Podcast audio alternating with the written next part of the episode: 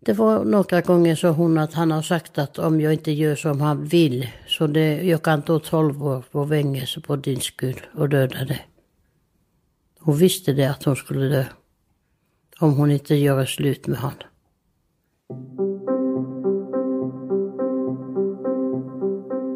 Det är vi som räknar dödade kvinnor. Vi hittar varje fall då en kvinna dödats av sin man, exman eller pojkvän. Vi granskar samhällets misstag och samlar fakta om varje brott. Vi tar reda på vad som hände med kvinnornas barn.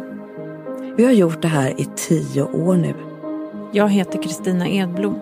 Jag heter Kerstin Weigel och du lyssnar på Dödade kvinnor, en podd från Aftonbladet.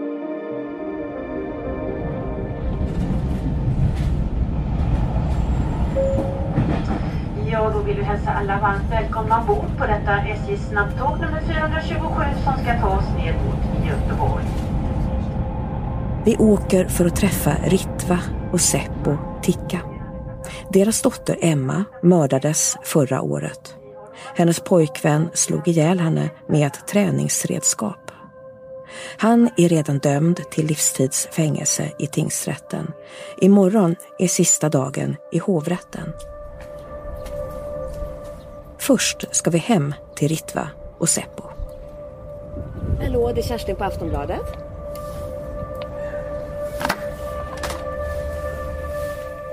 Det var 2009 som vi bestämde oss för att ta reda på hur många kvinnor som dödats av sin partner under 2000-talet. Några brott får mycket uppmärksamhet. Andra blir bara en kort notis. Vi ville veta hur många kvinnorna var, vilka de var, varför de dödades. Gensvaret var så starkt att vi inte kunde sluta. Det blev ett löfte att fortsätta räkna kvinnorna. De senaste tio åren har vi pratat med hundratals anhöriga. Det är de som vet vad som hände före morden. De kan berätta för oss om kvinnornas liv. Hur var hon som flicka, Emma? Hon var ju så fin. Alltid de här födelsedagarna. Här hon tre, äh, en månad gammal. När hon föddes. Två tjocka fotoalbum ligger på soffbordet i vardagsrummet. Vi bläddrar i dem tillsammans med Ritva och Seppo. Riktigt, riktigt fin tjej. Jag. Och hon ville ha, hon var väldigt stark vilja. Hon ville ha så mycket. Där, titta också när hon var så fin. Hon hade en sån dräkt.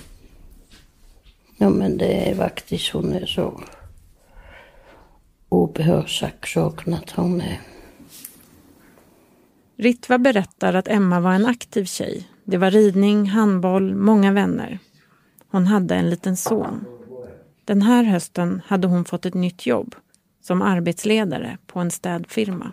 Men hon var, jättenö- hon var jätteglad när hon fick det här jobbet. Att nu ska jag börja leva, att jag får ordning på mitt liv.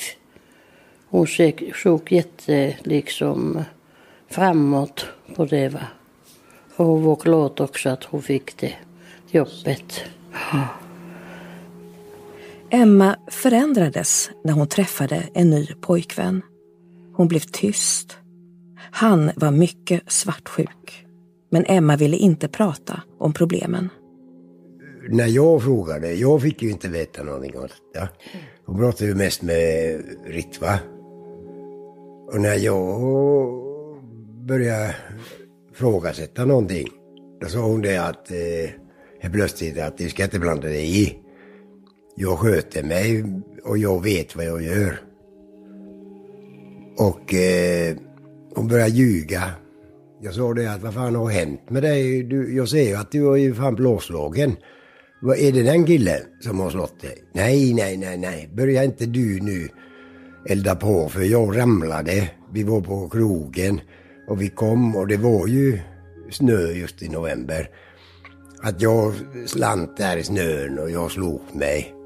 Att hon, hon hade aldrig ljugit mig, aldrig någonstans. Hon, alltid re- helt rak. Inga, hon, hon var inte rädd att säga. Och, och vad hon tyckte, vad hon hade gjort och allting förut. Men nu börjar han, hon helt plötsligt att jag misstänkte nästan jämt på henne att du ljuger. Hur orolig var du för Emma? Ja, jag var väldigt orolig. Det är klart, jag åkte ju dit och kollade och eh, vissa gånger fick jag höra av mina kompisar att eh, vet ni det att Emma har fått stryk? Och då åkte jag dit direkt i hennes lägenhet. Men då hade hon eh, sett till att han kom därifrån och gick till sitt egen eh, lägenhet. De hade ju bara 300-400 meter mellan. Att jag fick aldrig träffa han där. För hon höll eh, väldigt skyddat, eh, skyddade honom och jag fick inte prata med han och fråga någonting. Försökte du hjälpa henne att komma ur den här relationen? Ja, ja, det gjorde jag och det är klart vi pratade med henne hela tiden. Men eh, hon, eh, något sätt, eh, hon började liksom hålla hemligt nästan allting. Vi fick inte veta vad de har varit och hur det varit och vad har gjort och varför kom du inte och hälsade på pojken. Vad tänker du nu då? Vad berodde det på att Emma inte kom ur det här? Ja, jag... Jag förstår inte det riktigt. Jag, jag fattar inte hur hon kunde ändras. För det var aldrig någon som kunde bestämma över Emma förut. Den 2 september förra året var en söndag. På förmiddagen ringde det på dörren hemma hos Ritva och Seppo. Så vaknade jag halv elva på söndag morgon. Jag var ensam här. Kingston gick just precis tio minuter innan. Och så, stod två gubbar där utanför dörren. Jag tänkte först att jag inte öppnade men de bankade och bankade på dörren så, så visade de prickarna att de är hos polisen. Jag visste direkt vad som hänt. Jag visste, jag sa till dem innan de öppnade munnen, är hon död nu? Jag sa att varför du säger så? Men jag sa att jag vet hur han är. Trodde Emma att hon kunde bli dödad? Ja, många. Hon sa till mig att det var några gånger så hon att han har sagt att om jag inte gör som han vill så det, jag kan ta 12 år på fängelse på din skull och döda dig. Hon visste det att hon skulle dö. Om hon inte gör slut med honom. Det är Jenny Vanhapia som ringer på dörren. Jenny och Emma var kusiner och nära vänner. Vi ska återkomma till Jennys berättelse senare. Först ska vi ta oss till hovrätten i Göteborg.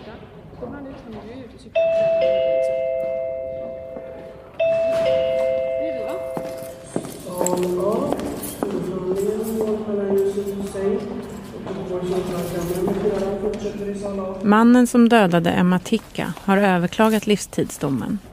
Han förs in i rättssalen i handfängsel. Ritva och Seppo sitter med sin advokat och åklagaren. Vi är de enda åhörarna. Eh, Då så, då är ni välkomna till denna sista förhandlingsdag i detta mål. Jag kan rapportera att hovrätten... Det var lördagen den 1 september 2018 som Emma Ticka gick hem till pojkvännen för att hämta sina arbetskläder. En granne hörde smällar och flera skrik från en kvinna. Det pågick under två timmar. Skriken blev allt svagare. På Emmas kropp fanns över hundra skador. Emma är kvinna nummer 292 i vår undersökning av 299 dödade kvinnor. Pojkvännen säger att han inte menade att döda Emma. Han pratar om brottet som en slags olycka. Och sen, jag varit arg och uh, tappat kontrollen. Jag var inte normalt. Och beverkat, narkotik, drog, Mm, alkohol. jag förstår det. Mm. Och eh, det var lite över gränsen. Lite över gränsen, ja. Ja. Men du börjar slå henne för att hon hade kniv. Det är så jag förstår det. Men sen när kniven ligger på golvet. Är du fortfarande arg då på henne? Ja. Och eh, eh, då är ni i vardagsrummet, i tv-rummet eller man ska, vid soffan. Ja. Hur kommer ni in i sovrummet sen då? För jag förstår att ni kommer in i sovrummet vid något Det var, tillfälle. det var, då, det var eh, dörren öppet och så. Ja. Det, man kan direkt gå in i rummet. så. Gick hon in i rummet, sovrummet? Vad skulle hon göra där inne? Kanske att eh, hon gömmer sig där och... Gömma sig? Ja. Är det vad du tror? Ja. Var hon rädd för dig? Efter, ja. Och följer du efter henne? Hade du med dig ditt rör då? Åklagaren Lotta Nielsen försöker få fram att han dödade Emma fast hon gått in i sovrummet för att ta skydd. Okej. Och vad händer då i sängen? Vad gör du där mot Emma? Ja, Bara att... eh, Sånt. Stöter Ja, med den stången? det är så. Och var någonstans på hennes kropp stöter du? Det, jag, jag, jag minns inte. Nej. Det var lite över gränsen och, och det var inte meningen att... eh, Nej. Men eh, kan du ungefär förklara var, var börjar du stöta någonstans på kroppen? Benen eller upp i huvudet eller magen eller? Benen och sånt. Skriker hon? Ja. Och vad tänker du när du gör det här? Om du nu tänker något. Ja, jag tänkte det var att... eh, Det var inte... Jag hade först att det, var inte meningen att eh, döda henne eller... eh, Men när du gör det menar jag, vad tänker du när du gör det här? Stöter den här stången på henne? Att, eh, jag tänkte inte att det kommer eh, såna skador. Jag, jag har aldrig tänkt att det blir såna skador. Men du måste väl ändå höra att hon skriker högt, att det gör ont? Men eh, jag har varit eh, blacked out. Och eh, jag var inte normalt. Ungefär lika många kvinnor dödas varje år och den vanligaste mordplatsen är, som för Emma, kvinnans säng. Under rättegången sitter Ritva och Seppo mitt emot mannen som mördade deras dotter. Det är mycket smärtsamt för dem att vara där, men de känner det som en plikt. De är där i Emmas ställe. Vi lyssnar på åklagaren. Varsågod. Emma finns ju inte med oss längre. Det blev tyvärr till slut så som hon själv förutspådde. Och som, som hon så många gånger uttryckte sina vänner och familj i ord och skrift att Yusuf skulle bli hennes död. Efter tio år vet vi att de dödade kvinnorna ofta varit rädda och ibland övertygade om att de kunde bli dödade. Så var det för Emma. Vi ska höra kusin Jenny, som vi träffade tidigare hemma hos Ritva och Seppo. Hon såg hur Emma bröts ner. Emma var en väldigt stark tjej. Eh, hon var en bland de, ja, bland de starkaste som jag kände. Eh, och hon var en tjej som utstrålade trygghet och glädje. Speciellt livsglädje. Alltså hon, hon älskade livet liksom. Eh, tyckte om att skratta. Eh, var med sina vänner, med sin familj. Ja, hon var en helt, ja, helt underbar människa. Hur fick du veta att, eh, att han var våldsam? Mm, det var oktober eh, 2017 som jag fick veta att han eh, hade slagit henne första gången då. Eh, enligt Emma var det första gången men ja, sen vet jag inte om jag tror på det riktigt. Men det var väl då jag fick uppfattningen av att han är våldsam. Vad eh, gjorde du då? Nej, vi, alltså hon berättade väl lite vad som hade hänt. Och ja, jag försökte väl också tala om för henne att det där, det där är inte okej. Man slår inte någon. Och det förstod hon ju men, men det var ju en engångsgrej. Det hade aldrig hänt innan och det kommer inte hända igen. Och vad hände sen? Eh, sen eh, blev det, ja, december, början på december 2017. Och då eh, ringde Emma mig. Hon hade varit ute och druckit lite på klubben. Så när hon går från klubben, jag hör hon säga hej då till de andra och är på väg hem. Eh, hem till honom då. Och eh, efter en stund så kommer hon fram till spårvagnen. Står där och väntar och vi pratar och skrattar och har jättekul i telefon. Och hon hoppar på spårvagnen och sen hoppar hon av och så går hem till honom. Jag pratar med henne hela vägen hem. Och när hon kommer innanför dörren så hör jag någon som gapar och sen hörs en duns. Och, och så uppfattar jag det som att telefonen ramlar i golvet och sen är det någon som lägger på. Jag försöker ringa tillbaka ungefär fem gånger och ingen svarar. Dagen efter så ringer hon till mig och säger att hon blev rånad på vägen hem. Att hon blev misshandlad på vägen hem. Och då sa jag till henne att men Emma, jag pratar ju med dig hela vägen hem. Jag vet att det där, det där är en lögn. Jag bara, varför ljuger du för mig? Och eh, hon bara, nej men eh, det, det var in, precis innan jag ringde, eh, ringde till dig. Det var när jag stod och väntade på vagnen.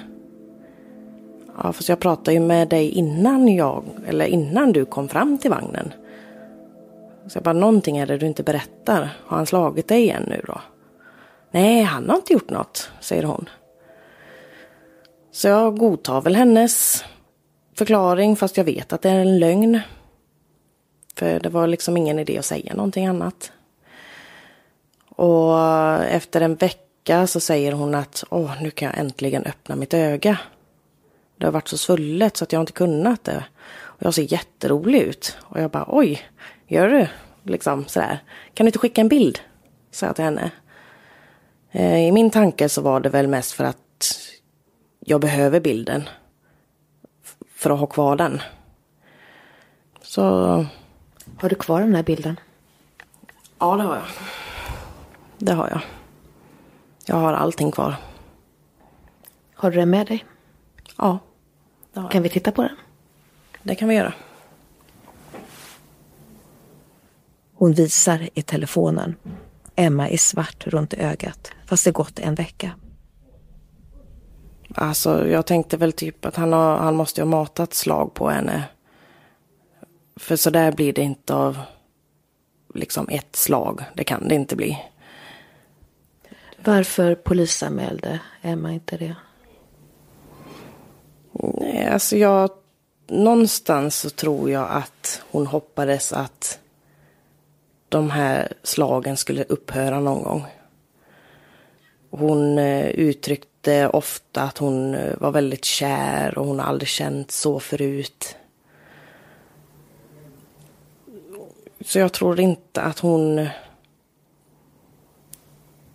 Alltså hon, hon ville nog inte till en början för hon hoppades att det skulle sluta, att det skulle, liksom, att det skulle bli bra.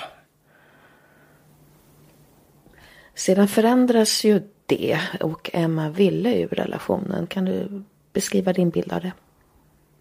Jag tyckte, jag, jag, jag kände en lättnad när hon ville ut ur relationen. Och både jag och Emmas andra vänner sa att vi liksom, vi finns där för dig. Vi hjälper dig. Säg bara vad du behöver. Och eh, sådär, men vi, då började det ju bli som vanligt igen att hon hörde av sig och vi åkte till stranden och vi, vi, vi kunde träffas liksom. Men det, det var ju ändå, kan ha varit, en, två månader. Och sen någonstans där så gick hon ju tillbaka till han igen. Och varför då tror du? Ja. Jag, jag vet ärligt talat inte. Hon, eh, som sagt hon, hon älskade han. Och jag tror att det var det som gjorde att hon kunde inte hålla sig borta. Var Emma rädd för honom? Jag skulle vilja säga att hon var det, ja. Och speciellt den sista tiden, om man säger sista halvåret. Från slutet på februari fram tills hon, tills hon dog. Så var hon nog väldigt rädd. Hur märkte du det? En, när hon eh, lämnade honom, det var i början på mars 2018.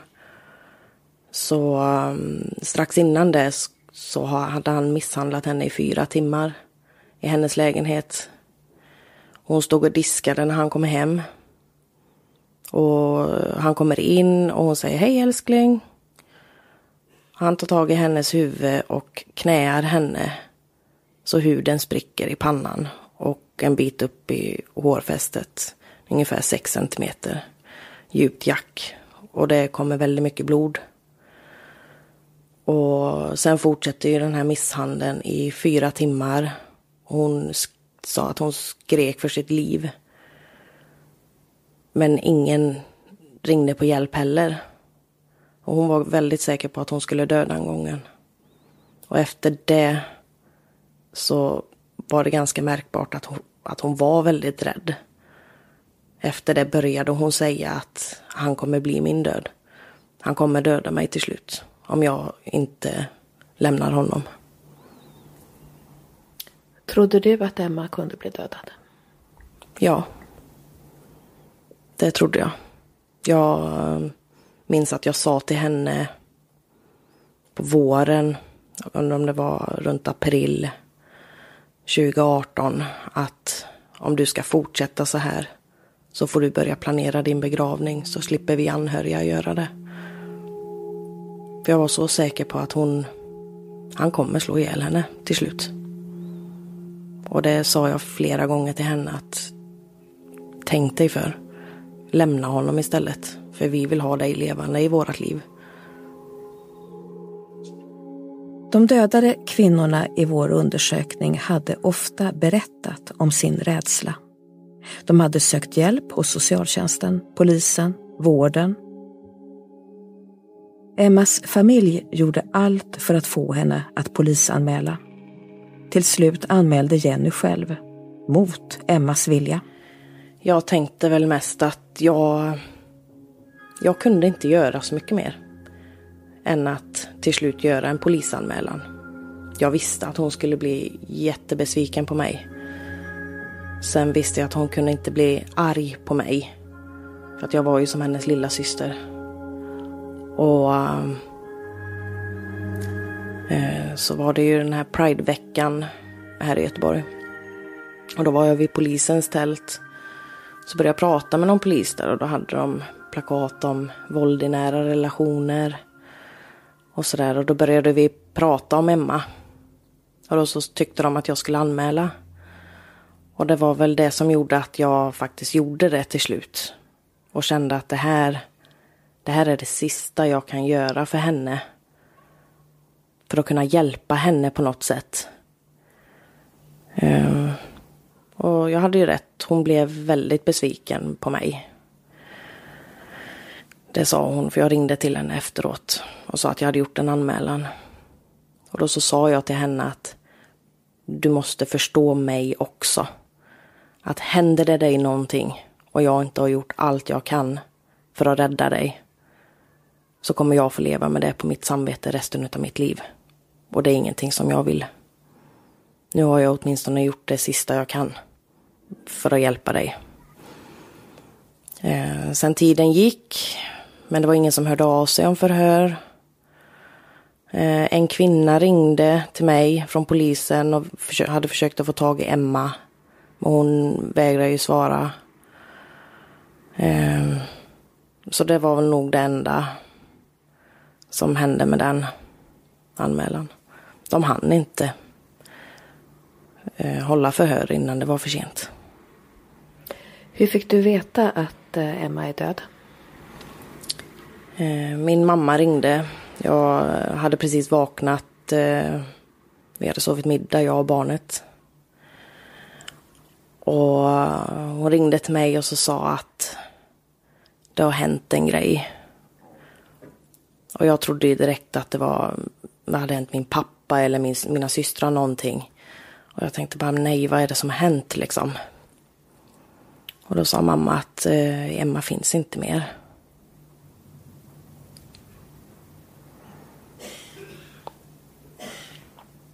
Nej, jag skrek rakt ut. Det, ja, det var den värsta stunden i mitt liv. Det var, man brukar ju säga att hjärtat går i tusen bitar. Och jag vet hur det känns. Och det, för det gick i tusen bitar. Hela jag gick sönder den dagen.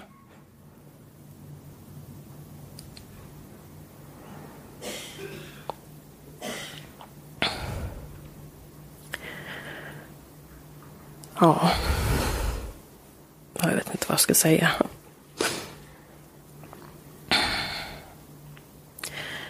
Nej, det var, det var fruktansvärt. Och ändå visste jag att det skulle hända någon dag. Men det var för tidigt. Tycker du att det har förändrat dig på något sätt? Den här upplevelsen? Ja. Jo, men det tycker jag. Eh, jag... Man är ju känsligare. Men samtidigt så har det gjort mig stark på ett annat sätt. Och det är därför jag också ställer upp att prata om det. För att det är så himla viktigt att prata om sånt här. Varför händer sånt här? Som Emma, som hade ett så stort nätverk av människor som älskade henne. Hon var så fruktansvärt älskad. Och ändå hände detta. Och det, det är så svårt att förstå hur det kan hända. Men det är där samhället brister, tyvärr. Och det, det är någonting som jag skulle kunna kämpa för att det ska ändras för de här kvinnorna som faktiskt har hamnat i de här relationerna. Och vad är det som måste göras? Som du ser det? Ehm, jag vet att eh, Emmas pappa gjorde en anmälan. Och den lades ner. För att Emma själv var tvungen att vilja anmäla. Det var därför jag tvekade själv på att anmäla. För jag visste att det kommer inte leda någonstans. Men så under rättegången så sa åklagaren till mig att eh, de hade kollat på min anmälan och eh, de skulle ta tag i det. Eh, men så hann Emma dö innan det händer någonting. Så jag tycker att det är viktigt att tänka på att ju fler som anmäler att de här kvinnorna faktiskt tyr sig till någon i sin närhet som de kan lita på. För att skicka, som Emma gjorde, skicka bilder till mig. Skrev till mig vad som händer och berättade för mig. Och jag tror att det var därför att jag hade så mycket, som, att jag visste så mycket som gjorde att min anmälan lades inte ner. Så det är viktigt att komma ihåg att man, man måste kämpa. Även fast man inte liksom kanske kan göra mycket. Men en anmälan är alltid någonting. När rättegången i hovrätten har avslutats blir vi stående utanför rättssalen. Vi pratar med åklagaren Lotta Nilsen om samhällets reaktioner när en kvinna dödats av en man hon hade en relation med. Jag tycker att de här brotten uppmärksammas allt för lite. Jag jobbar med relationsvåld och sexualbrott mellan vuxna och ser en hel del eh, grymma våldsbrott. Och det här är, som jag, jag nu har varit i rätten i är ett av dem. Under hösten 2018 så hade vi i vart fall fyra kvinnor som miste livet eh, inom ramen för en brott i nära relation i Göteborg. Och eh, parallellt med detta så pågår det någon form av gängproblematik i Göteborg. Och det skrivs spaltmeter om de här gängen och vilka som dödar varandra och vilka som sätter livet till och det läggs ganska mycket resurser på detta, eller mycket resurser på det för att utreda och det, det har jag ingenting att säga till om egentligen, att det läggs resurser på det. Men jag menar på att det bör läggas lika mycket resurser för att utreda de här brotten mot kvinnorna som helt eh, utan anledning blir mördade. De har inte givit sig in i det här för att, så som gängen, alltså är man med i ett, ett, ett kriminellt gäng så får man leken tåla lite grann. Jag säger inte att det är okej att döda någon för det, men man vet vad man riskerar. När man är en kvinna i en relation så ska man inte behöva riskera att bli dödad, utan man ska vara trygg i sin relation. Och jag menar på att det bör skrivas mycket, mycket mer om det här uppmärksamma problematiken, för den är utbredd.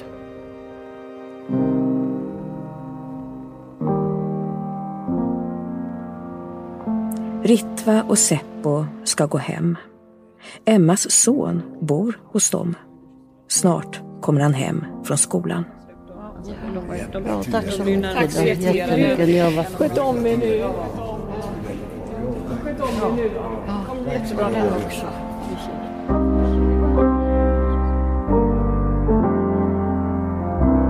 Du har lyssnat till första avsnittet av Dödade kvinnor, en podd från Aftonbladet. Jag heter Kristina Edblom. Jag heter Kerstin Weigel, producent Marcus Ulfsand. Hela den tioåriga granskningen Dödade kvinnor finner du på Aftonbladet.